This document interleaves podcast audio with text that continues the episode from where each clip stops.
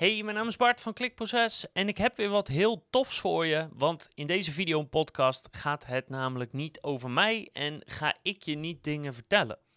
Ik wil je namelijk meenemen met het content marketing advies van Ron Simpson. En dat komt eigenlijk als volgt. Ik volg al een tijdje de Eindbazen podcast. Uh, Michel en Wiggert zijn dat en die presenteren dat. En in die podcast en, en uh, YouTube-kanaal, um, daar nodigen ze altijd ja, eindbazen uit. Dus denk bijvoorbeeld aan uh, André Kuipers, Jos Burgers is er geweest, Aartjan van Erkel. Mensen die toch in hun vakgebied wel een behoorlijke naam hebben opgebouwd. Nou, en daar kwam Ron Simpson dus langs. ik, ik ken hem niet, of ik had verder nooit van hem gehoord of wat hij doet. En weet je wat? Wat hij doet en zo, dat maakt ook helemaal niet uit. Maar wat ik wel opvallend vond, is dat hij echt super tof marketing of content marketing advies gaf. Dus ik heb even contact gezocht met de eindbazen. En ze vonden het prima als ik de belangrijkste of meest opvallende stukken over content marketing qua, qua advies van Ron, als ik dat in een compilatie voor jou hier zo presenteer. Dus van de podcast van bijna twee uur heb ik zeg ongeveer de 30 minuten gepakt. waarin hij heel specifiek advies geeft over drie hele specifieke punten. Waar, ja, wat ik gewoon echt heel tof vond om te horen. Dus de eerste is eigenlijk de formule die hij heeft ontdekt als het gaat om content marketing, om te zorgen dat eigenlijk bijna altijd je content werkt. Dus zowel zeg maar hoe je de content of, of het stuk opbouwt, maar dus ook hoe je het presenteert en waarom dat werkt. Uh, het tweede stuk gaat over content curation en zijn visie daarop. En het derde stuk gaat over LinkedIn marketing en waarom die LinkedIn zo tof vindt en allemaal leuke dingen die je daar eventueel mee kan doen of hoe hij dat dan ook voor zich ziet. Dus ik zou zeggen, laat je inspireren door Ron. En zorg ook zeker even dat je de Eindbazen podcast en YouTube kanaal checkt en abonneert, want er komen echt hele vette gasten voorbij. Veel plezier. Ja. En die broekzak van je, waar die telefoon in zit, dat was ineens het meest belangrijke ding dat je had. En, ja. en alles ging daarin meetellen. En dat vond ik heel vet. En ik ontdekte eigenlijk dat daar een formule achter zat. Heel jong ontdekte ik dat. Ik, ik probeerde gewoon te vatten waarom werkt content wel en waarom werkt content niet. En dat is iets wat ik nog steeds elke week probeer te doen. Want ik, ik heb forever een gevecht in mijzelf tussen. Ik wil alles bijna over Hollywood produceren, zeg maar. Het mooiste, het beste en het vetste. Um, maar de meest virale dingen zijn gewoon geschoten door een, schoonmakers. Ja, schoonmaker of, of een iPhone. Weet je, dat is ja. Dus het, het concept zal dus, of, of ja, het onderwerp zal dus altijd belangrijker zijn dan de productie. um, dat is één. Maar vervolgens, als je daar productional value aan toe kunt voegen, dan kun je een home run slaan. Zeg maar. Dat vond ik altijd heel interessant. Mm. En uh, ik kwam erachter hoe snel we aan dingen wennen. Mm -hmm. Dat vond ik echt bijna weird. In het begin vond ik het super vet als ik. Um, weet ik veel, een custom filmpje zag. Of de eerste keer dat ik een filmpje zag waarbij ze mijn naam in het scherm hadden. Weet je wel, dat soort simpele dingen die toen uitkwamen. Dat ik dacht, what the hell. Maar dan ben je binnen twee weken aan of zo. En dan heb je de drie gezien en dan vind je het allemaal wel oké. Dus toen dacht ik, hoe kan ik die gewenning tegengaan? En toen heb ik dus een soort van formule in mijn hoofd ontwikkeld... die ik nu nog steeds gebruik. En dat is um, een opstapeling van dingen die je nooit meer in die formule tegen gaat komen. Je gaat ze nooit meer in die combinatie, in die samenstelling... ga je dat nooit meer vinden. En dat maakt dit uniek en dat geeft het urgentie... En daarom is die content goed. Hmm. Of de invite goed, of de promo goed, of wat dan ook. Kun je het concreet maken met een voorbeeld? Zeker. Um, wat ik daarmee bedoel is... Ik hou bijvoorbeeld heel erg van eten. Um, in elke vorm. Ik vind het leuk om het te koken. Ik vind het leuk om het te eten. Ik vind uiteten leuk. Maar ik vind het vooral leuk als je heel veel mensen bij elkaar hebt... Mm -hmm. en je doet iets bijzonders. Hoe vaak, of hoe weinig eigenlijk, doen we dat? Het zijn bruiloften of zo, waar je echt met honderd bekenden eet. Weet je, maar je doet het eigenlijk bijna nooit. Ik dacht, ik wil dat gewoon zo vaak mogelijk doen. En ik woonde boven een restaurant. En uh, het was een Italiaans restaurant met een Amerikaanse vrouw. Die Amerikaanse vrouw die zei een keer tegen mij: Ik maak de allerbeste fried chicken in the world. Maar mijn Italiaanse chefman, die haat het als ik dat doe, want het restaurant stinkt twee dagen naar frituur. Toen zei ze, maar de eerste keer dat hij weer, weet ik veel, zijn moeder op gaat zoeken of op vakantie gaat of zo, of op reis, dan ga jij en ik gaan hier gewoon kip maken. Ik zei, yes, zin in. En ik proef die kip. Ik zei, ah, je hebt gelijk. Dit is echt het beste ever. Al mijn vrienden zouden dit moeten proeven. En uh, ik gaf toen al feestjes. Ik had toen al mensen om me heen. Dat was al helemaal cool. En toen dacht ik, nou, dit wordt, dit wordt makkelijk. Ik typ gewoon een berichtje. Er staat, jongens, ik heb een restaurant eh, afgehuurd. We gaan met z'n allen de beste kip van de wereld eten. Koop je tickets hier, want het moest op een of andere manier wel betaald worden. Klaar. En ik, ik doe dat online en ik verwachtte echt, oké, nou, dan, dan zijn we er. Ja, echt niet eens één ticket verkocht zo. Niks. Helemaal geen reacties. En ik dacht, hè? Toen besefte ik me een paar dingen. Eén, ik ben excited door alle dingen die ik weet. En zij zijn niet excited door alle dingen die ik niet heb verteld. Ja. Maar ik kan ook niet het hele verhaal vertellen, want niemand gaat het allemaal lezen over de buurvrouw en de man en dit en dat. Dus, dus, zo. dus toen dacht ik, wat kan ik doen om het schijnbaar nog gekker te maken? Dacht ik, oké, kip is interessant, maar chicken and waffles is een hele rare fenomeen, gerecht, stuk cultuur uit Amerika. eh, dat wel een soort van internethype had, maar niemand had het eigenlijk ooit echt gegeten. Dus je kon het amper krijgen in Amsterdam. Dus dacht ik, nou oké, dan doen we dat. Dus ik- ik stop die lekkerste kip die er is op een wafel. Dat is al weird. Dus als je ooit al dat een keer hebt willen proberen, dan vind je dit wel interessant. Dat is variabele 1. Variabele 2, ik moet benadrukken dat het hele restaurant van ons is. Er zijn geen andere mensen. Dus private dinner. Oké. Dan dacht ik, wat is nou echt raar als je fried chicken gaat eten? Ik heb nog nooit fried chicken gegeten met een smoking aan. Oké. Het wordt black tie dresscode om dit te eten. Dus je moet in black tie komen naar een privé-restaurant waar je chicken en waffles gaat eten. En een vriend van mij is een van de beste DJ's ever. Shout-out DJ Abstract. En die belde ik. En toen, zei, ik- toen kon het trouwens nog. Ik schaam me nu, wel een beetje voor, maar oké. Zei ik, wil jij vier uur lang alleen maar R. Kelly draaien? Alleen maar R. Kelly shit, ja. Dit was voor al het gezeik. Oh, Dus dat wisten we toen nog niet. Maar ik bedoel, R. Kelly is los van wat we allemaal van hem vinden nu. Dat, dat is één ding. Maar het is een artiest met echt, weet ik veel, twintig albums of Ja, zo. het is een R&B-hoeksteen, klaar. Ja, Ja. en hij had onwijs veel liedjes, maar je hoorde eigenlijk de hele tijd maar dezelfde vier, vijf liedjes in de club. En ik dacht, nou ja, wat nou als je gewoon de hele avond alle albumtracks, alles wat je ooit een keer hard hebt willen horen, dat gaan we draaien. Je hebt de smoking aan en we gaan chicken and waffles eten in een privé-restaurant. Dan ineens is hetzelfde evenement Ja. duizend keer aantrekkelijker, omdat je FOMO vormt of weet je, je denkt van, Mm. eh, wow, dit gaat echt letterlijk nooit meer gebeuren. Dat weet ik nu sowieso zeker. Dat gaat echt nooit meer gebeuren. Ja. Ehm, toen zette ik het online. Toen was het in vier minuten uitverkocht. En toen dacht ik, ah, oké. Dit werkt niet alleen voor promotionele dingen... maar dit werkt eigenlijk ook als ik zelf een boodschap heb dat ik wil vertellen. En ik kwam erachter dat de mooiste content... de meest mooi geproduceerde, doordachte, kunstzinnige... prachtige content... haalt de minste likes Ja. Mhm. Ja, herkenbaar. is gewoon feit. En het is niet alleen voor mij of voor jou, het is voor everyone. Want je moet daar de tijd voor nemen. En je moet je erin verdiepen. En je moet verbanden zien. En je moet smaak hebben. En je moet alle, weet je, dat is best wel ingewikkeld wel.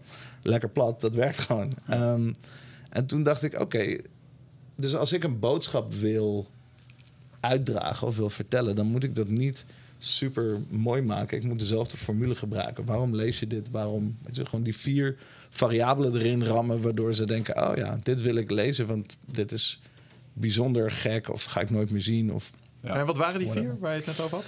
Eh, het maakt niet uit welke vier het zijn, als het er maar een stuk of drie, vier zijn. Dus Oké, in dit ja, geval. ja, het in- ja, in plaats van dat ik een hele mooie foto van mezelf zou posten, zou ik een hele rare foto posten. En ehm, in plaats van dat ik direct to the point zou komen of een heel mooi verwoord labtekst zou doen, zou ik dat op een andere manier doen. Je ziet dat nu ook heel erg. Hè? Dat trucje werkt gewoon forever. is niet van mij of zo, maar ehm, als, je, als ik nu door mijn timeline heen ga, dan zijn er allerlei dingen eh, rondom maatschappelijke problemen. Of dat nou Black Lives Matters is of ehm, Jemen of weet ik veel, de, de corona. Er is zoveel aan de hand, weet je. En op een gegeven moment heb je media fatigue. Mensen zijn moe, die hebben het al duizend keer gehoord.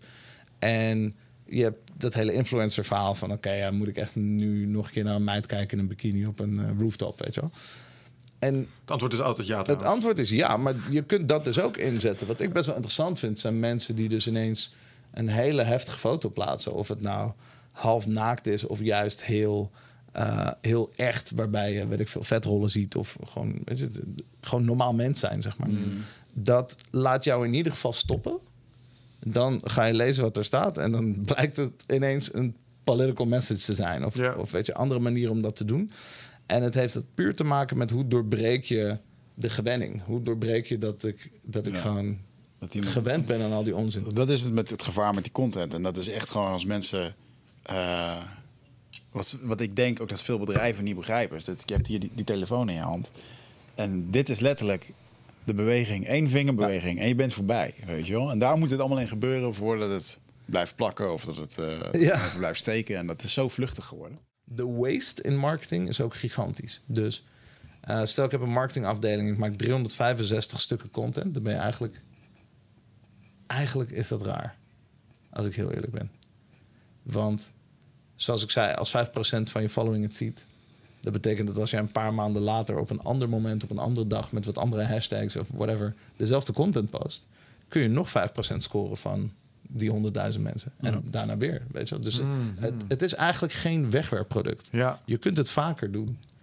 Ehm, sterker nog, wat weten wij van, van reclame is dat je het werkt het beste bij herhaling. Toch? Je moet zes tot acht keer een merk tegenkomen of een campagne zien om het te begrijpen, te weten en getriggerd te worden om iets te doen. Ja. Waarom doen we dan op contentniveau alsof het maar één keer is? Interessant. Dat is onzin. Ja. Ehm, en dus als je mij vraagt van hey, die short attention span en al die dingen. Als het je al lukt om te winnen, zorg dan dat alles in, die, in dat filmpje zit wat je wil zeggen en niet alles wat je hebt. Je wil gewoon één ding vertellen. Als, ik zie marketing heel vaak als een, als een, een date, weet je wel? Ah. Als ik on a first date ga met je en ik vertel je alles, dat wil je toch helemaal niet? Je wilt toch gewoon een beetje mysterie. Iemand die tegenover je zit en jou één goed verhaal vertelt. Of iets tofs vertelt over studie of werk of familie of hobby of whatever. Ja. Eén ding en bij date twee wil je Ja, Je wil naar die ja, ja. volgende date inderdaad. Voordat je bij elkaar in bed kruipt. Ik moet, eh, ja, ik moet ineens denken aan zo'n foute, eh, foute PUA pick-up artistry line eh, van vroeger. Eh, be excellent, be gone. Maak het druk en, Ja. ver- en verlaat altijd op Ja. het hoogtepunt van het feestje. Ja. Weet je wel, niet, niet degene zijn die als laatste de deur uitgaat. Nee, zorg dat als het gezellig is, net, dan moet je gaan. En besef dat er altijd een tweede feestje komt dan. Exact. Eh, plan. En, en dat is gewoon een beetje wat ik altijd probeer te zeggen aan marketeers. Van jongens, luister, ga niet je hele levensverhaal op tafel gooien in een filmpje van 30 seconden. It's never gonna work. Nee. Weet je? Mensen vinden je merk waarschijnlijk al tof. Of geef ze, prikkel ze genoeg om te komen eh, onderzoeken of om te ontdekken. of weet ik veel wat. Maar niet dat doen. En ik hoop dat er een manier komt waardoor mensen beter gaan cureren. Of dat die algoritmes echt beter worden. ja. Ehm, maar we moeten vooral niet vergeten dat de content voornamelijk geblokt wordt voor geld. Toch? Ja. Ik bedoel, je Ja. kunt betalen en dan krijg je meer bereik. Als adverteerder of als... Je hoopt op conversie. Ja, maar de, de, de- weet je, de, je hoopt erop, maar je kunt het kopen. En dat, dat is waarom het bestaat. Laten we eerlijk weten, social media is geen goed doel. Hè? Het, is niet, eh, het, het is echt een commerciële bende. Mhm. Ehm, maar ik hoop, daardoor is er dus het probleem van... er zijn te veel mensen die proberen te scoren op dezelfde mensen. Dus er is veel te veel content op veel te weinig mensen eigenlijk. Juist. Maar als we allemaal beter zouden cureren, dan is het al interessanter. En dat heb ik gezien van tv naar digitaal bijvoorbeeld. Ehm, Je weet hoe laat het is nu, hè? Ja, je weet Moet hoe ik laat het opnemen? is. Ja, die moet je opnemen. ja, oké, dan gaan we het gaan doen. Hey Daan van Baskets, je bent live in de uitzending. Schijnbaar als mijn telefoon afgaat, moet ik het opnemen in de podcast. Eh Eindbazen podcast. Jee. Nou, dat klinkt goed. Ja. Kan ik iets voor je doen of eh, bel ik je straks? Nee, bel me straks. Oké. Doei dan. Joe. Ga verder. Eh, ja, dus je zag eigenlijk de conversie van eh, tv naar digitaal. En je zag dat in de reclame. Maar voor mij is eh, content bijna altijd een vorm van reclame maken voor iets. Voor jezelf, van een moment, van een herinnering, van whatever. En daar zag je eigenlijk hoe lomp tv-reclames waren. Dat is gewoon schieten met een shotgun. Het is een soort van, ik maak een boodschap, die knal ik op een moment dat er heel veel mensen kijken. Meer dan de helft vindt het niet interessant. Weet je, gewoon Ja. hoe vaak eh, eh, vrouwen naar autoreclames moeten kijken of mannen naar beautyproducten, zeg maar. Ja. En daar bedoel ik verder niks mee. Iedereen mag alles lekker eh, leuk vinden wat hij wil. Ja. Maar gewoon de doelgroep mis je eigenlijk. Ehm, dat was op tv vroeger echt super normaal. Maar als jij gewoon op eh, goede tijden wilde adverteren, dan moest je gewoon dokken. Ja. En that's weird, want je gooit de helft weg. Het is gewoon waste. Als je dat model van vroeger neemt en je gaat nu kijken, dan zeggen ze: Oké, maar nu kunnen we targeten op social media. En nu weet ik gewoon dat iedereen tussen de 18 en 35 is, of, eh, of een man of een vrouw of een mix, of weet ik veel. Ik weet wat ze leuk vinden. Mm. Datzelfde stukje, die conversie van een shotgun naar een sniper, Dat is wat er denk ik plaats gaat vinden in eh, content van mensen die je echt tof vindt. Ja. En inmiddels zijn we gewoon klaar met duizend nieuwsbrieven en slechte updates en weet ik veel wat. En na een tijdje weet je gewoon, hey, deze vijf dingen wil ik in mijn timeline, die andere niet. Oké, doei. Ja. En ik accepteer dat. En wat ik heel interessant vind is ehm hey.com. Heb je dat al gezien? Nee? Hey.com. Nee, wacht, laat me dit een, een, een kleine introductie geven. Elke dag word ik eh, wakker en ben ik boos. En de reden dat ik boos ben is omdat iemand ooit bedacht heeft om water in een flesje te verkopen en ik was het niet. Ehm, en ik, ik, ik blijf daar naar kijken. Ik vind dat onvoorstelbaar dat iemand dat ooit heeft bedacht. Ja. Gewoon, we bestaan er voor 70% tijd. Het is een levensbehoefte en het is niet eens van jou. Iemand heeft bepaald, dit is nu voor mij.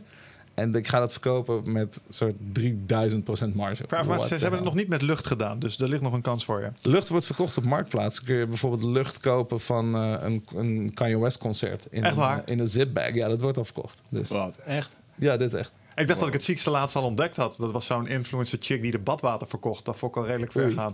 Is dat het vervolg van panties en eh Ja, dat is de eh, volgende ja, stap daarin. Ja. de volgende Binnenkort in een vending machine near you. Ja. Ehm, maar goed, ja. eh, Gaat, verder gaat goed met de mensheid, hoor. verder gaat het goed met de mensheid, ja. Nou, het, het punt is dus, iemand heeft besloten om, eh, om water in een flesje te verkopen. Ja. En dat is ding nummer één. En daar kan ik nog, steeds- nog steeds verbaasd van zijn dat het A werkt en B, dat ik dat niet heb bedacht. Het vervolg daarop is nog gekker. Namelijk, elke dag wordt er een nieuw watermerk gelanceerd. Ja. Every day. Dus de meest verzadigde markt bij dingen die uit de kraan komen voor meer dan de helft van de wereld, Mhm. heeft nog steeds een nieuw product zonder innovatie. Kijk, vitamin water begrijp ik. Dat is innovatie. Ja. Het is, het is iets wat het was. Je maakt het beter of anders en whatever. Maar gewoon ander water vind ik raar. Zou ik, zou ik je zeggen dat als ik in Amerika ben, dat ik altijd dezelfde water koop? Want ik drink daar niet uit de kraan vanwege al die fluor shit die Snap erin ik. zit. Welk- Maar- welke drinken? ja, daar heb je dus een of ander water, wat, eh, daar pompen ze wat bij. Extra zuurstof of zoiets. Of eh, extra... Oh ja, dat H2O eh, ja, water. die. Ja. Ja. Ja, ja, ja, Nou ja, bijvoorbeeld. Maar dat is innovatie, toch? Ja, maar om, ja, dan kijk ik daarnaar en denk ik, ja, ja, ziet er wel goed uit. ja, toch doen we dat, weet je wel. nou, zie je, daar ga je al. Maar dat stukje begrijp ik, want dat is innovatie. Als je zegt, ik bedenk iets en ik voeg er iets aan toe... of ik maak iets anders, fijn.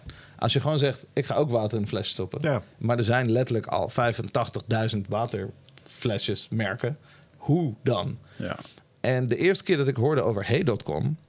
toen dacht ik, oké, Hey.com is dus een e-mail service. Maar e-mail is gratis... Hmm. bij wijze eigenlijk soort van... Ja. En het, het, is, Nu weet ik het.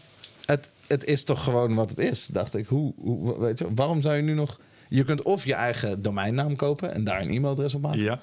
Of je neemt gewoon de giganten van de wereld. De Gmails of de Hotmails of de weet ik veel wat. En eh, ja, als je, als je dat privacy ding dus kut vindt... Nou, dan neem je gewoon een domeinnaam. Toch? Dat is hoe ik dacht. Maar schijnbaar was er iemand die zei... Nou, wij gaan innovatie loslaten op e-mail. En in 2020 of all years eh, kreeg ik dus een uitnodiging en eh, ging ik kijken. En ze hebben gewoon de curatie van e-mail veranderd. Dus een paar simpele dingen. Je krijgt gewoon eh, je naam ron.hey.com bijvoorbeeld. En vervolgens werkt het gewoon anders. Iedereen die jou een e-mail stuurt, ook mensen die jou voorheen al hebben ge-mailed, moet je goedkeuren. Eén keer. Ja, deze persoon mag mij mailen. En de rest komt gewoon automatisch voor een muur. Hm. Ehm, wat daar gebeurt is dat eigenlijk binnen een maand of zo heb je 90% van al je contacten geaccepteerd. Ja. En dus eindig je, misschien moet je twee, drie mensen op een dag nog accepteren of zo, maar de rest gaat eigenlijk al helemaal goed. De rest wordt buiten gehouden. Alle spams, alle mailing dingen waar je helemaal kapot mee wordt gemaakt, zeg maar, waar je helemaal gestort van wordt, dat wordt al geblokt. Dat vond ik al interessant. Ja. Het tweede ding was, ze hadden dus een knop van alles wat ik al deed, maar waar geen systeem voor was. Dus bijvoorbeeld het flaggen van e-mails. Van, oh ja, deze moet ik nog lezen. Of deze moet ik nog lezen en die moet ik nog beantwoorden. Of dit is belangrijk, maar ga ik nooit meer hoeven lezen. Ik moet het alleen kunnen vinden. Allemaal van dat soort dingen. Daar hadden zij gewoon ineens knoppen voor bedacht. Dus je gaat door je inbox en je klikt op eh, reply later. Of je gaat door je eh, inbox en je kiest ehm, paper trail. Dus alle bonnen, bewijs, garantiedingen, aanschaffingen, Slim. whatever. Gaat op een aparte stapel. Ja. Dus Nou, en ik, ik dacht ineens bij mezelf: wow, iemand heeft gewoon in 2020 nog innovatie op een mailserver gedaan. Are you kidding me? Het werkt. Ja, mooi. En ja, daar stond ik gewoon van te kijken. En dat, dat soort dingen vind ik dan wel echt heel sick. En ik denk dus dat het cureren van... We zijn zo gewend aan het verzamelen van, van input. Zoveel content. Volg alles. Worden getarget door alles. Je hebt zo vaak je nummer en je e-mail weggegeven. Ja. Maar we, we krijgen weinig tools om onszelf te verdedigen. Ja. En dit is er wel eentje waarbij eigenlijk zegt... hé, hey, laten we cureren, man. Laat, maak je leven gewoon beter. Ehm, daar straks zei je ook nog iets, dat vond ik ook wel even interessant, over eh, eh, als het dan ging over de verschillende social media kanalen. Instagram bijvoorbeeld versus LinkedIn. Aan Mhm. dat je LinkedIn een paar interessante kansen vond hebben. Ja, man. Ehm, wat, want ik ben eh, gestopt met alle social media, behalve LinkedIn. Oké. Eh, omdat ik merk dat Instagram brengt me helemaal niks. De alle andere, er komt nooit uit mijn LinkedIn. Eh, daar haal ik mijn gerief. Eh, de reacties zijn er leuker en inhoudelijker. maar het converteert ook daadwerkelijk. Ja. Iets wat ik bij op de andere kanalen altijd maar ja, nou, zeer zelden. Ja. Ehm, dus ik was wel even benieuwd. Wat, eh, wat voor opportunities spot jij daar? En hoe kun je je LinkedIn gebruik potentieel optimaliseren? Oké, dat is eigenlijk vrij makkelijk. De eerste regel dat je eigenlijk moet weten is waarom dat zo is. Dus wat Ja. jij net zegt. Er is, denk ik, en dit is een aanname, ik weet het, het getal niet precies, iets van 10% eh aan content op LinkedIn van wat er op Instagram is. Dus er wordt 10 keer minder gepost, waardoor er dus 9 keer minder dingen geblokkeerd moeten worden of weggehaald worden. Juist. Dus je hebt minder prikkels. Je hebt eh, langer de aandacht om, om dat te krijgen. Nou, ander ding dat je ziet is als je bijvoorbeeld iets tweet of zo. Ehm, op Twitter leeft je eh, tweet misschien een uur of zo. Tenzij het heel relevant is. Ja, maar ja. Eigenlijk een uur. Op Instagram 48 uur als het goed doet. Misschien. Ja, Ehm, mijn posts op LinkedIn gaan een week mee. ja, ja. Letterlijk zes dagen, zeven dag krijg ik nog steeds reacties, comments, weet ik veel wat, whatever. Dus het, dat komt, het heeft een langer leven. Het is relevanter op de doelgroep. Dus er zijn eigenlijk vrij weinig superjongeren, hè, dus echt 12 plus achtige Ja, ja. eh, dingen, die zich wel heel erg veel op Instagram eh, begeven. Maar daardoor zit je dichter op de doelgroep en het heeft veel duidelijkere gebruikslijnen. Je gaat niet zomaar een selfie posten op LinkedIn en je gaat niet je vakantiefoto's posten. Nee. Je moet, you need to contribute. Je moet bijdragen aan iets. Ik wil, het, ik wil inzicht, ik wil leren, ik wil een feit, ik wil kennis of zo, weet ik veel. Allemaal van dat soort interessantere dingen. Dus dat is ding één. Je kunt daar eigenlijk alle content die ik dus niet kwijt kan op eh, Instagram, zoals ik zei, de beste content haalt de minste likes. Dus als ik echt inhoudelijk uitleg hoe, hoe iets werkt of een hele toffe business case heb gevonden, ik kan dat daar niet kwijt. Er is ook geen vorm voor. Weet je, op LinkedIn kun je artikelen schrijven. Op Instagram kun je stories en een, een postje doen. Maar dat, weet je, dat, dat lukt niet. ik heb ook iets, ik heb iets bedacht vorige week. Sorry nu al, man. Ik besef me nu eigenlijk hoe raar dat is. Ik heb de, de, de anti-podcast post bedacht ongeveer. Ehm, het is namelijk zo. Ik vind podcasts heel vet. Maar ik vind het heel moeilijk om ze te consumeren. ja. Ehm, want je hebt aandacht nodig en je, in mijn geval heb je een koptelefoon nodig en best wel een lange periode om, om dat allemaal gefocust aan te horen. Eh, en dat vind ik lastig soms. Ehm, en dat had ik dus ook als ik bijvoorbeeld Instagram live doe of elke andere vorm van live. Ik merk dat ik niet iets kan presteren en tegelijkertijd kan interacteren met je. Dat vind ik gewoon moeilijk. ja. Eh, want dan wordt het allebei net niet. Nou, met podcast, ik weet dat er live podcasts zijn. Ik weet dat er interactieve podcasts zijn. Maar dan heb je hetzelfde probleem. Het is gewoon heel moeilijk om dat zo te doen. En dus dacht ik bij mezelf... Wat ik zo fijn vind aan LinkedIn... is, ik kan het gewoon open laten staan. Tijdens mijn werk. Ik kan mailen, ik kan afspraken doen, ik kan whatever. En dat ding stoort me niet. Het is niet zo afleidend als een Instagram of een ander ding. Dus weet je, ik kan daar ook makkelijk van afstappen... en het even met rust laten. ja. En dus heb ik Commentcast bedacht. Waarbij ik een vraag stel of een topic aansnij eh, met een gast. En eigenlijk vragen stel in comments. Dus je ziet de topic.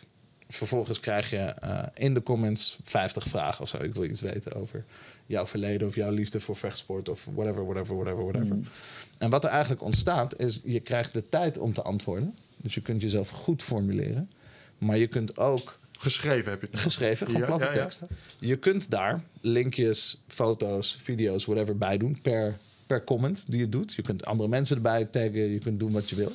Maar als dus gebruiker, als, als lezer, stel dat ik de topic vet vind, maar de eerste vijf vragen niet, kan ik heel makkelijk naar vraag 6. Dat kan ik niet bij podcasts. Ik vind dat het is heel moeilijk om te scrollen. Wanneer wordt het nou goed en tof? En welk stukje vind ik interessant? Of een gast die je, die je tof vindt, dat krijg ik heel vaak terug. Van joh, ehm, ik vind het heel interessant om te luisteren naar podcasts met jou. Maar heel vaak worden dezelfde vragen gesteld. Dus ik wil die dan kunnen skippen of zo. Het verhaal van Avocado Show ken ik of weet ik veel. Dat, er is nog geen goed systeem voor. YouTube heeft ondertussen wel die hoofdstukken. Hè? Dat je nu, als je nu een YouTube-filmpje eh, opzoekt, dan eh, kan je in Google al, als je de search Ja. hebt gedaan, zou je kunnen, doorheen kunnen scrollen en kijken wat er gezegd wordt. Mits wij van die time tags erin zetten. Ja. Precies, maar het is en extra werk. Het komt ook wel, maar het is en extra werk en alsnog uitzoekwerk. En Ben je bekend eh, met eh, Reddit? Ja, zeker. Ja, dus zo'n- Ama's. Ja, zo'n Ask Me Anything komt in de buurt. Ja.